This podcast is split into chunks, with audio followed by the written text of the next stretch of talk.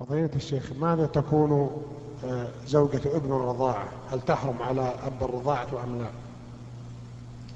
آه، زوجة الابن من الرضاعة بعض العلماء يقول هي كزوجة الابن من النسب. لقول النبي صلى الله عليه وعلى آله وسلم يحرم من الرضاع ما يحرم من النسب.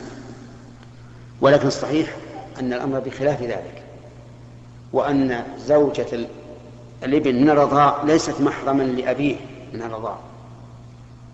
لأن النبي صلى الله عليه وعلى آله وسلم قال يحرم من الرضاع ما يحرم من النسب.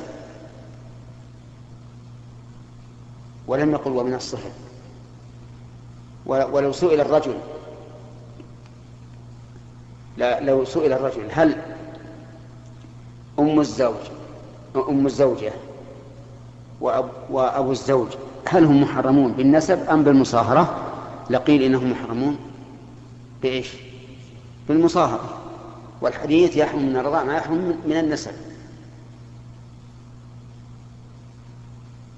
وعلى هذا فإن أم الزوجة من الرضاع ليست محرما لزوجها وأبو الزوج من الرضاع ليس محرما لزوج ابنته. ويؤيد ذلك أيضا قوله تعالى في المحرمات وحلائل أبنائكم الذين من من أصلابكم. وابن الرضاع ليس من صلبه.